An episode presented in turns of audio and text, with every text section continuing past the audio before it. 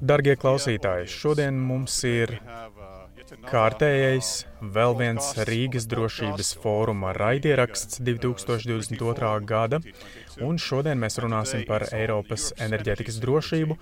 Cik daudz mēs uz to varam paļauties, vai tā vēl pastāv un kā tā pastāvēs nākotnē, runāsim par enerģētisko drošību gan Eiropā, gan arī plašāk. Man ir prieks, tas gods sarunāties šodien ar doktoru Franku Umbahu, kurš ir vadošais pētnieks Kasis, un viņš ir arī oficiālais NATO konsultants enerģijas jautājumos kopš 2012. gada. Esiet sveicināts, Frank! Paldies, sveiciens Rīgai, paldies par uzaicinājumu. Mums ir prieks, ka piekritāt sarunai apspriest šo ārkārtīgi svarīgo tematu. Sāksim uzreiz arī pāriesim pie temata. Parasti, kad runāju par energoapgādes drošību, es runāju par trīs svarīgām dimensijām.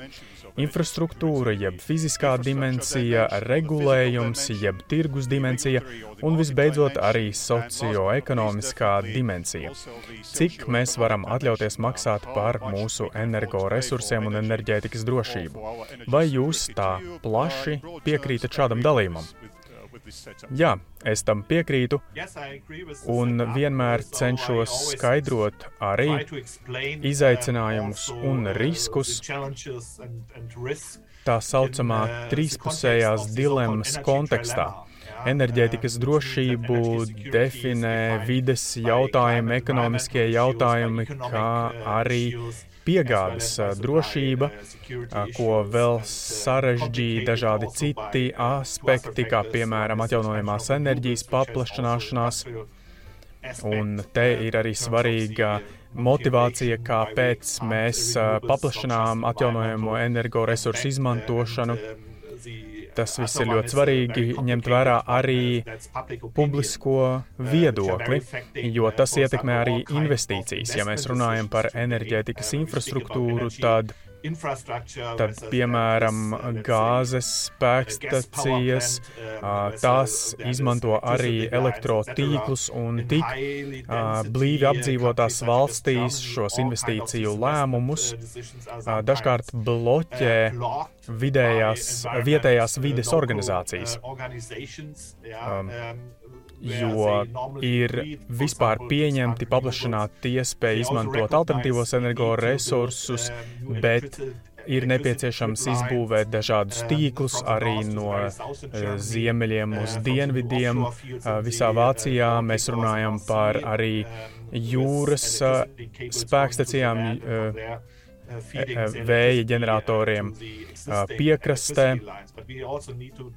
Un Arī tam ir nepieciešams uh, daudz jaunu sistēmu, bieži vien, lai paplašinātu alternatīvās enerģijas izmantošanu, bet to bloķē valstīs, kurās ir blīvs iedzīvot. Uh, Tātad blīva apdzīvotība, un uh, te ir runa par ne manā pagalmā, tā teikt, principu. Tas sarežģīja arī visu situāciju, un ne tikai Vācijā. To mēs redzam, ka nav uh, saskaņas šajā viedoklī.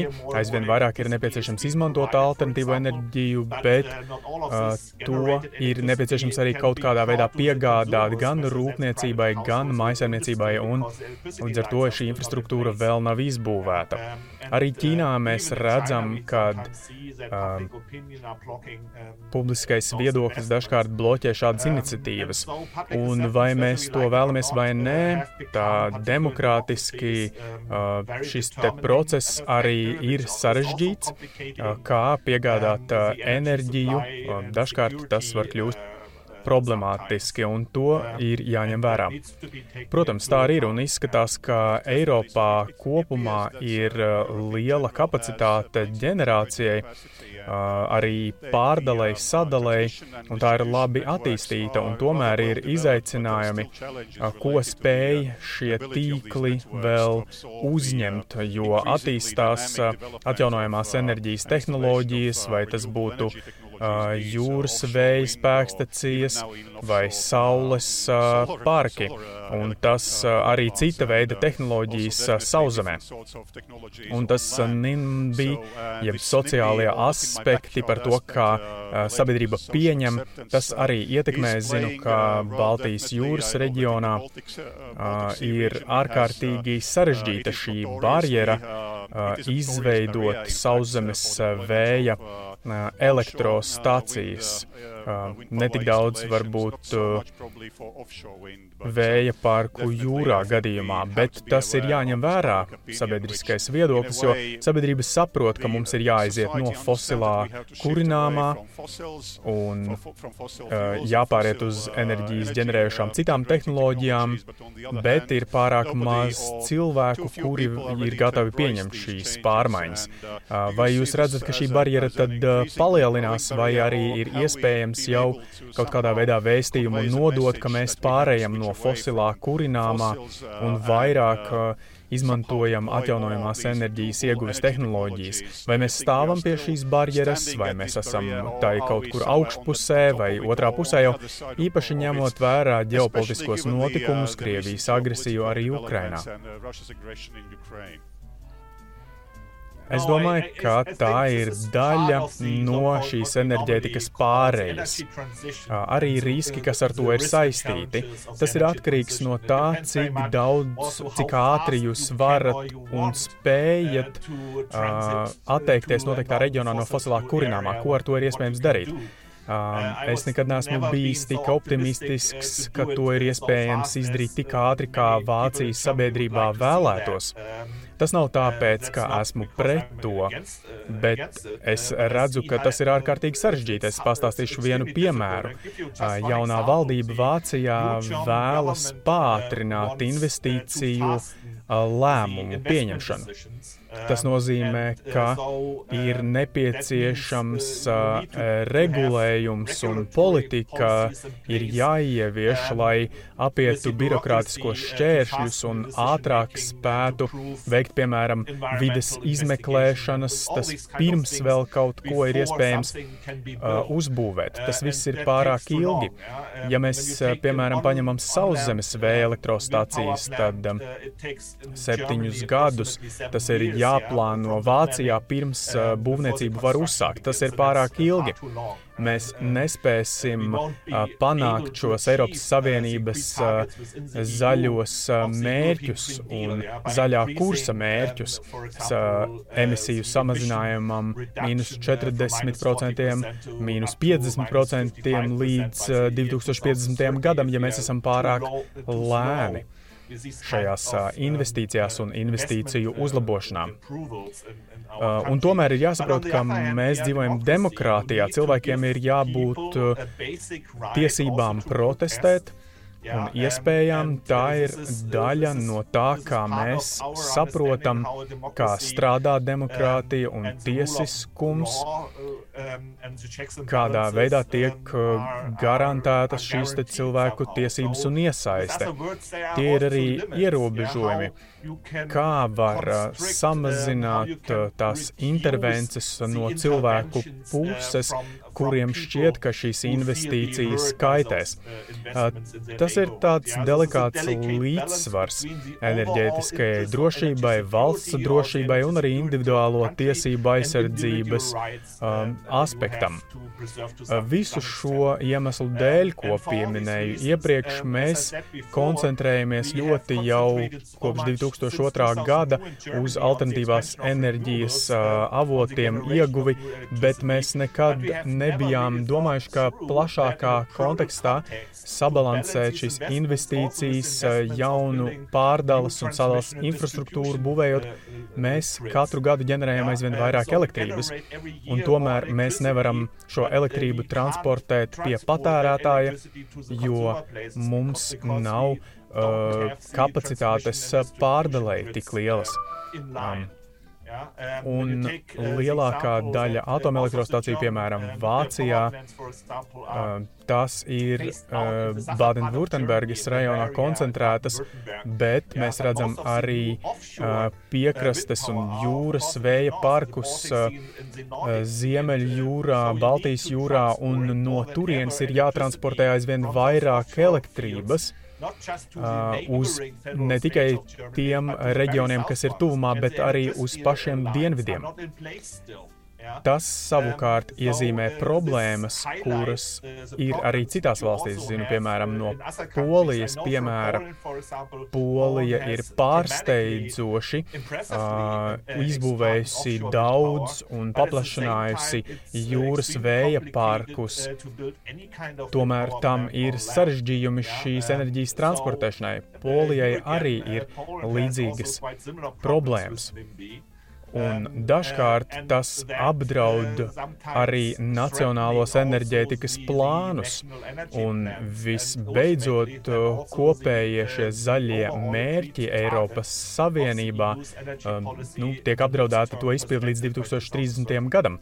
Tieši tā, jūs uh, minējāt infrastruktūru un tās ar to saistītām problēmām geogrāfijā, piemēram, lielākām valstīm, lai ģenerētu lētāku enerģiju no atjaunojamiem avotiem, lielākoties no kodola enerģijas tajās valsts daļās, kur arī ir lielākie patērētāji.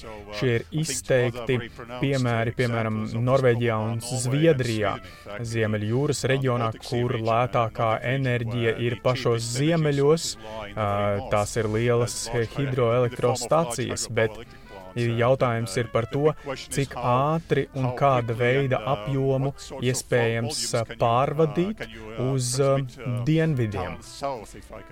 Mēs saprotam, kā enerģētiskā pāreja notiek, un mēs šī gada sākumā bažījāmies, ka Krievijas agresijas apstākļos pret Ukrainu šī jaunā krīze varētu kaut kādā veidā mūs aizkavēt mūsu visā šajā zaļās enerģētikas pārējā.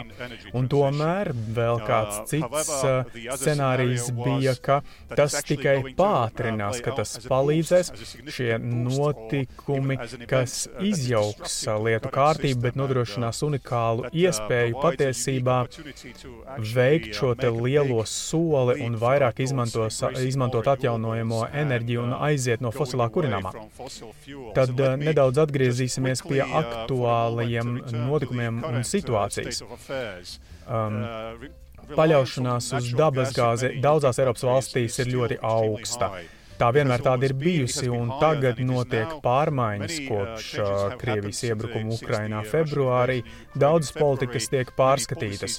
Un tomēr vai redzat, ka Eiropa aizvien spēja atrast jaunus piegādes avotus, ceļus?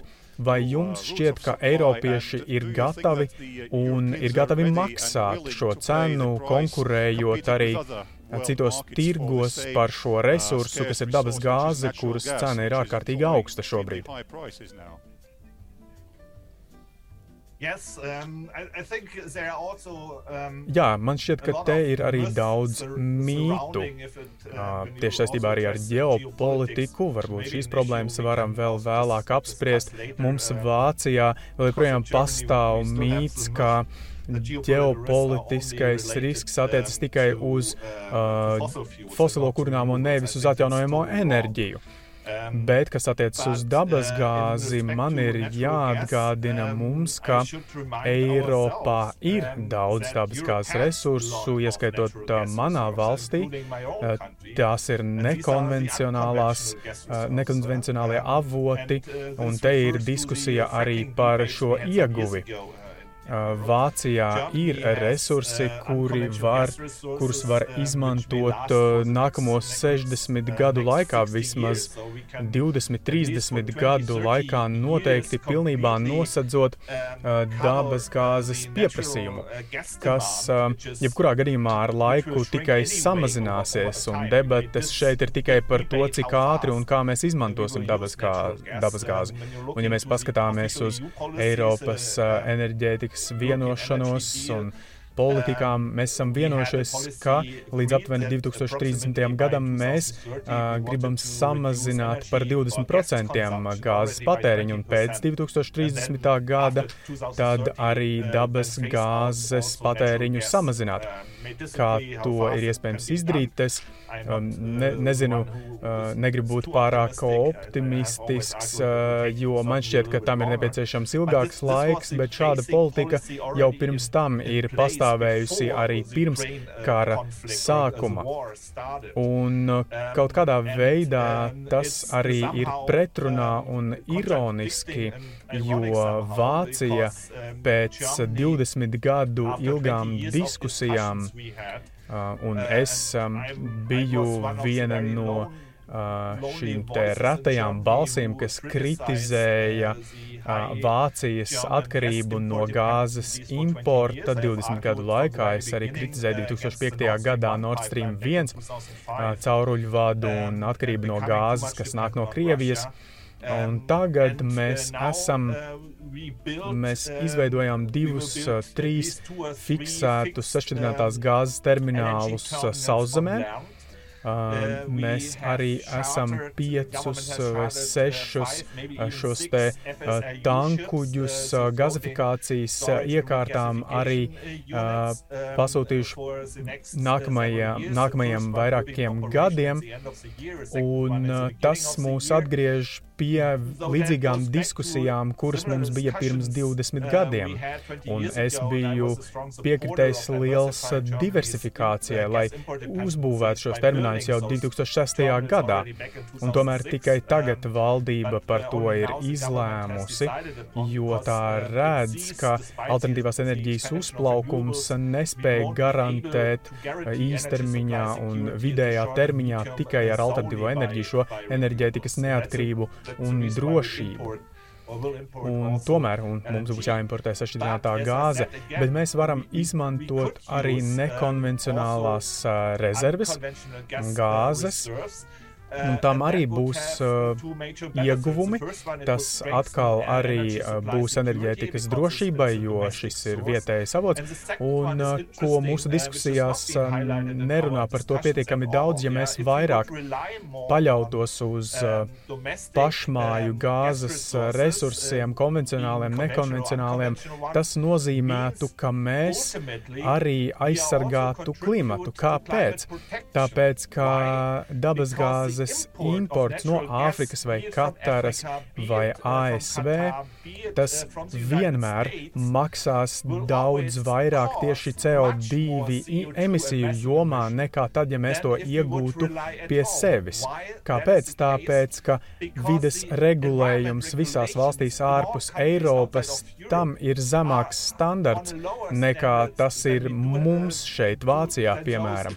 Un tad šī sašķidrinātā gāze ir jātransportē no Āfrikas, no ASV uz Eiropu, ir nepieciešami kuģi, ir nepieciešama nafta, lai to varētu transportēt. Tas, protams, rada CO2 izmešus. Un ja mēs paļaujamies uz pašmāju resursiem, tad šāda veida CO2 izmešu papildu rašanās nav tas arī dos uh, ieguvumu vides politikai. Tādā veidā tiktu ražots, radīts mazāk CO2 uh, izmešu. Un šī dzīves cikla analīzē, kas sākas uh, no investīcijām, no ražošanas, transportēšanas veidiem līdz uh, patērētājiem un līdz spēkstacijām.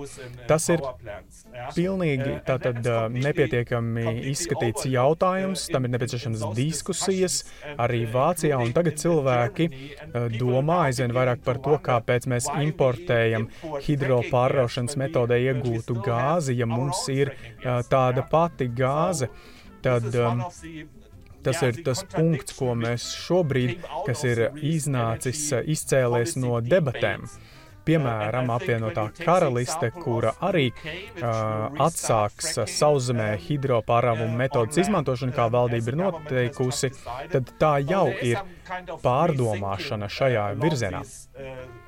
Pavisam noteikti. Man šķiet, ka Eiropas valstis tagad meklē visus iespējamos risinājumus gan īstermiņā, vidējā termiņā un ilgtermiņā, cenu krīzē, ja es tā varu to nosaukt, un arī piegāžu krīzē lai atjaunotu šo sistēmu, kā tiek importēti energoresursi, kurus vietēji nevar saražot, un tam ir nepieciešams laiks un resursi, kā arī izmaksas.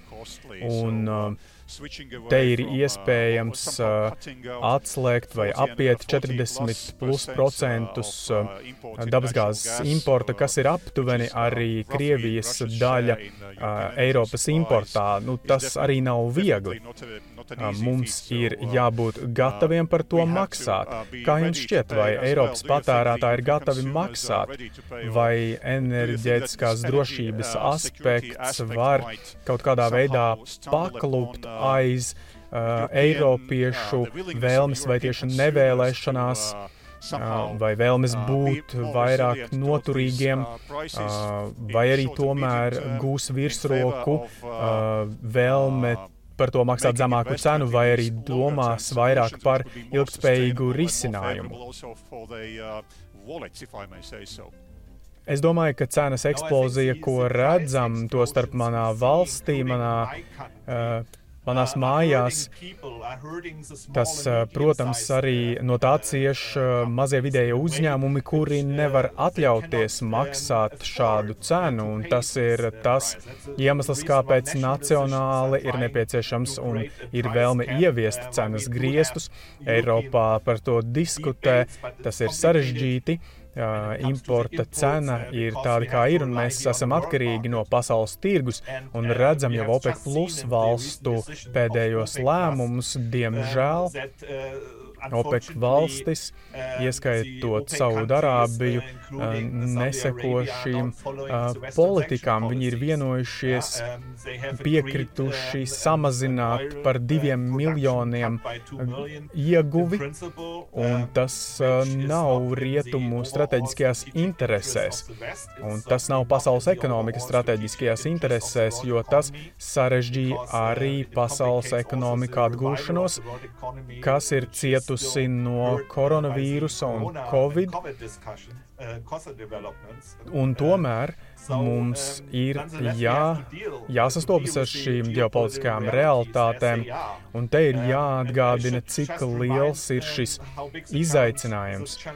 Pagājušajā gadā Eiropas Savienības 27 valstis 100 miljārdus importēja Krievijas gāzes uh, cauruļvados un vēl papildu arī sašķidrināto gāzi, un vēl pasaules tirgus līdz 20. gadam. Tātad pirms uh, Covid, pirms sākās pandēmija, tad situācija pasaules tirgu bija diezgan ērta, ja tā var teikt. Mums bija noteikts arī pat pārpiegādes naftai un gāzei, kas skaidroja to, kāpēc gāzes cena bija tik ļoti samazinājusies līdz 20. gada sākumam. Bet tad, uh, 20. gadam sākoties un globālajai pandēmijai sākoties, tas izmainījās līdz gada beigām 2020. gadā, kad sākās arī Ķīnas ekonomikas atgūšanās. Neviens nebija gatavs tam tajā laikā. Tas, ko es gribu teikt, ir, ka cenu eksplozija sākās jau pirms uh, Ukrainas konflikta. To ir svarīgi atzīt, jo nav tikai Ukrainas konflikts, kas izraisīja cenu pieaugumu. Pagājušajā vasarā mums bija situācija gāzes tirgu, kur Eiropas gāzes krātuves nebija piepildītas ar papildu Krievijas gāzi. Un tikai vēlāk mēs konstatējām, ka uh, Krievijas politika, kas jau bija daļa no gatavošanās Ukrainas karam, tas bija kā brīdinājuma signāls rietumiem un Vācijai īpaši laikam. Tā sanāk, tad tagad mums ir globāls tirgus un līdzsvars starp pieprasījumu un piedāvājumu ir izlīdzsvarojies, un tagad mums ir vēl papildus 155 kubikmetrus, miljonus kubikmetru gāzes, kas ir jāizvieto, un tikai daži miljardi kubikmetru Norvēģijā, Azerbaidžānā ir iespējams iegūt uh, pa cauruļvadu. 130 miljardi ir kaut kā jāizvieto uh, globālā tirgu, un tas jau ir sarežģīti. Mēs noteikti no fiz, finansiālajām pozīcijām Eiropas valsts, Eiropas Savienība, mēs, mums ir jācīnās globālā tirgu un jāiegūst šī gāze kā valstīm mums tātad konkurējot šajā tirgu, kas noved pie situācijas, kad ir valstis, kurām vairs nav iespējas importēt sašķidrināto gāzi un viņas pievēršas atkal oglēm. Protams, mums šajā jautājumā mums ir vēl lielāka problēma ar eksplodējošo cenu. Un kas var maksāt un cik ilgi šādu cenu? Jo mēs sagaidām, ka piegādes dabas gāzei neizmainīsies nākamā gada laikā. Tas visticamāk vēl ilgs 20, 2024. un 2025. gadā. Tāpēc šie izaicinājumi šajā jomā attiecībā uz paaugstinātajām cenām tas neaizies, kaut arī. Uh, Tātad šis cenu augstākais punkts ir sasniegts 26. augustā. Kopš tā laika cenas ir samazinājušās, atkal ir palielinājušās spekulācijas rezultātā nesenās sabotāžas ietekme ar Nord Stream cauruļvadu.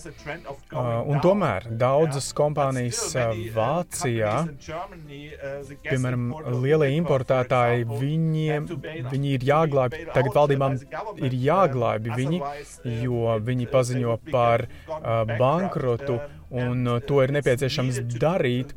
Citādāk šī gāzes piegādes drošība, kas ir ļoti svarīga Vācijai, Vācijas rūpniecībai, to nav iespējams garantēt, un šie ir izaicinājumi, kuri mums vēl stāv priekšā. Tātad izskatās, ka Eiropiešiem nav tik liels izvēles. Viņiem ir jābūt gataviem maksāt vēl nedaudz, vai arī pat ļoti daudz vairāk, godīgi sakot īstermiņā un vidējā termiņā, lai varētu tikmēr pārslēgties uz alternatīvākiem un vairāk alternatīvo veidu tātad enerģijas ražošanā. Bet skatīsimies, cik daudz eiropiešu tam piekritīs, sapratīs situāciju, ņemot vērā arī jaunākos notikumus, uz ko jūs atsaucāties, to starp Krievijas iebrukumu Ukrainā, kas kas pavisam noteikti arī ir veicinājis situāciju ar augstajām cenām. Bet, kā jūs arī minējāt, tad šis cenu kāpums sākās pirms tam jau. Tāpēc jāatgādina, ka daudzos Eiropas elektrības tirgos um, elektrība bija lētākā jau piecu gadu laikā. Tas pats attiec uz dabas gāzi. Piecus gadus pirms 2021. gada vēsturiski zemākās gāzes cenas. Tas bija pircēji tirgus, tas pats arī par elektrību. Man šķiet, ka šis šoks, ko tagad pieredzam, ir tāpēc, ka bija tik liela atšķirība starp vēsturiski zemākajām un vēsturiski augstākajām cenām, energoresursiem un elektrībai, ko no, tā, no tiem ražo. Un tas arī viss ir veicinājis tieši satricinājuma efektu. Tāpēc visticamāk ātru vai labu atbilžu nav uzreiz Eiropiešiem, kuri jautā par to, vai mums būs jāmaksā vēl vairāk, vai arī cik ilgi mums būs jāmaksā šī šīs augstās cenas, tāpēc tik labu atbilžu iespējams nav īstermiņā, bet ilgtermiņā mēs varam teikt, ka tad, kad mēs veiksim šo enerģētikas pāreju un aizvien ātrāk, tad tas nomierināsies un perspektīvas vairs neizskatīsies tik drūmi, un tad ilgtermiņā tas būs labāk. Domāju, ka izaicinājums ir ar to, ko redzam šobrīd, dažkārt ir šī pretrunīgā attīstība. Mēs pātrinām alternatīvās enerģijas ieguvi Eiropas zaļā kursa ietvaros, un tagad arī ir Ukrainas, karš Ukrainā, un mums tas ir vēl vairāk jāpātrina, bet mēs redzam, ka vēl investīcijas fosilā kurināmā ieguves projektos. To mēs redzam. Mēs redzam, kā teicu, tātad apvienotā karaliste investē un pieļaus arī hidropāraušanas metodi izmantot. Un šie gāzes ieguves vietas jūrā pat redzam, ka pat Nīderlande investē gāzes ieguvē jūrā. Un tas paceļ jautājumu, vai Tad tas būs kāds apdraudējums nākamajos 10, 20 gados, ka netiks izmantots varbūt tik daudz gāzes, varbūt 5, 10 gadu periodā vairāk, bet pēc 15 gadiem netik daudz vairs. Tāpēc mēs redzam, ka te ir pretruns arī investīciju lēmumos, kas tikmēr notiek.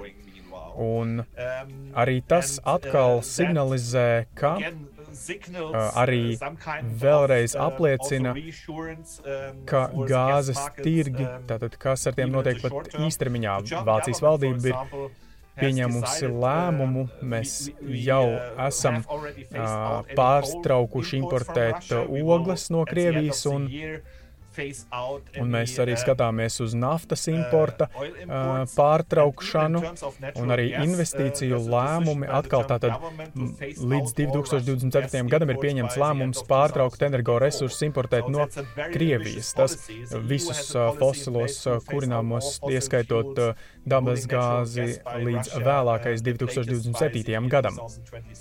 Un šie tad ir mērķi šāda veida enerģētikas pārējai. Nākamie gadi būs tuvākie ļoti sarežģīti, un arī tuvākais gads ļoti sarežģīts. Uh, un ilgtermiņā es esmu optimistiskāks, uh, bet uh, pat Vācijā ir jāsaka, ka ir vēlme maksāt vairāk par energoresursiem, un tomēr, protams, visam ir robežas, jo cilvēki, mazie vidējie uzņēmumi, viņi jau ir cietuši no Covid pandēmijas, tāpēc viņiem nav finanšu resursu tādu kā lielajām kompānijām. Un mums ir arī maksāt nespējas rādītāji, kas ir par 30% augstāk nekā pagājušajā gadā. Tas nozīmē, ka perspektīvā līdz gada beigām, ja valdība neiesaistīsies ar, ar šo atbalstu vairāku simtu miljonu apmērā, tad bez tā daudzi mazie un vidējie uzņēmumi, piemēram, arī konditorejas, viņi vienkārši bankrotēs līdz gada beigām. Viņi pazudīs no tirgus un neviens nevēlas šādu šādu situāciju pieļaut. Jā, nu, izaicinājumi ir daudz, un tā ir dilemma, ar kuru ir jāstrādā valdībai. Noteikti ir kaut kādi uh, ierobežojumi, uh, cik maisaimniecības, mazie vidēji uzņēmumi īpaši var maksāt uh, par uh, energoresursiem. Tātad svarīgākais pirmkārt ir, ka enerģi, enerģiju var fiziski radīt, uh, pārdalīt, pārvadīt uh, par pieņemamu cenu, vai vismaz par cenu, kas vēl aizvien ir pieejama, varbūt ne iepriecinoša, bet tomēr tādu, ko var atļauties socioekonomisks aspekts, tas ir un ir barjeras ar sociālo pieņemšanu dažām no šīm tehnoloģijām, piemēram, sauszemes vēja parkiem vai saules parkiem. Tātad pieņemšana, kā tiek paplašināta dzīve arī atomelektrostacijām. Diemžēl pie tā nevarējām pievērsties šīs īsās sarunas laikā, bet ja jums ir jāapkopo atbilde par šo galveno jautājumu, ener Eiropas energodrošība, vai tā pastāv, vai tā ir uzticama, nu, vai vispār mums tāda ir? Tas, ko mēs Vācijā esam iemācījušies grūtā ceļā, tātad, ka nevar visu vēlēties vienlaikus. Uh, un uh, mēs nevaram darīt tā kā agrāk, un mēs nevaram sagaidīt, ka pat īstermiņā tātad alternatīvās enerģijas ieguve aizvietos fosilo kurināmo. Energodrošība tiek apdraudēta, cenas paaugstinās, un tas arī rada eh, tādas kā ģeopolitiskās tendences, jo atjaunojamās enerģijas ieguves tehnoloģijas, vēja parki, saules parki, bet arī visa šī digitalizācija tehnoloģijas, tā visa ir atkarīga no stabila, no, atkarīga no stabilām uh, resursu piegādēm, izēvielu. Un ģeopolitiski Eiropa tad arī ir atkarīga no resursiem, no pārstrādātās produkcijas, jau arī, protams, ļoti, ļoti ir atkarīga no Ķīnas. Mēs aizvietojam vienu ļoti lielu atkarību, gāzes atkarību no Krievijas ar citu, kas ir vēl lielāka atkarība. Tāpēc tas nav arguments par vai pret samazināšanu, atkarības samazināšanu no Krievijas, bet tas iezīmē šīs citas, šos citus izaicinājumus, tāpēc enerģētiskā drošība nav tas, ko var izdarīt desmit gadu laikā. Politikas veidotāji šobrīd koncentrējas uz to, lai tiktu galā ar gāzes importa problēmām, cenu pieaugumu, arī kas ir atkarīgs no Ukrainas, konflikta Ukrainā. Tas viss ir labi, bet tajā pašā laikā, ja no tā izrietēs jauna ģeopolitiskā atkarība, tad uh, nu, tas nebūs labs risinājums. Un par to es arī bažījos. 5-10 gadu laikā to nav iespējams panākt. Tas viss ir jādara vienlaikus. Tāpēc šī pat ir lielākā globāla ģeopolitiskā dimensija, ar kuru tad mums tagad ir jāsastopas. Mēs Mēs tātad nevaram slēpties, mēs nevaram uh, likt galvu smiltīs. Mums ir jācīnās ar šīm problēmām strateģiskāk, nekoncentrējoties tikai uz ikdienas problēmām, kuras mums jārisina te un tagad. Mums ir jāskatās strateģiskā perspektīvā, arī investīcijās tajā pašā laikā, arī tiekot galā ar izaicinājumiem, kas ir šobrīd. Frank, izskatās, ka man ir jāinterpretē jūsu paplašinātā atbildā. Jā, mums ir energoresursu drošība, un tomēr te ir daudz jautājumu zīmju. Mēs arī vēl nepieminam energoefektivitāti, kura, protams, vēl ir ļoti liela daļa energodrošības nodrošināšanai visā šajā pakotnē kopā. Tad no sevis tad vēl vēlos pateikt, ka mēs varam nu, būt uzmanīgi, ja piesardzīgi optimistiski Mums ir daudz izaicinājumu, lielākie no tiem būs saistīti ar spēju un vēlmi Eiropiešiem sacensties, konkurēt citos tirgos. Eiropa ir viens no galvenajiem tirgiem, bet nu, globāli tomēr Dienvidaustrumāzija ir daudz lielāka, un ja tur ir uh, augsta ziema un pieprasījums pieaug, tad Eiropiešiem tas būs pret Eiropiešiem. Tāpēc ir daudz lietas, kuras nav atkarīgas arī pat no Eiropiešu vēlmi vai spēju maksāt vairāk. Uh, tad tik tiešām mums ir jābūt piesardzīgi pozitīviem par šo. Uh, ar to es arī vēlētos uh, pateikties jums par sarunu. Mēs esam tikai kā iesildījušies, bet es ceru, ka mums būs vēl iespējas par to diskutēt. Un man bija tas gods, doktors Franks Umbaks, kasis pētnieks un NATO konsultants enerģijas jautājumos kopš 2012. gada. Tiešām enerģētikas jautājumu eksperts, un es, Āboltiņa kungs, eksperts, kas strādā publiskajā komitejā un vairumtirdzniecības tirgus jautājumos. Man bija tas gods Paldies visi, kas, visiem, kas ir organizējuši šo podkāstu, padarījuši to iespējamu, Erberģa Stiftungu un Latvijas ārpolitikas institūtam. Un paldies vēlreiz par šo sarunu. Paldies, man bija prieks par to parunāt ar jums un par mūsu turpmākajiem izaicinājumiem un apspriest problēmas, kuras šobrīd publiski netiek debatētas vai arī netika debatētas tik daudz iepriekš.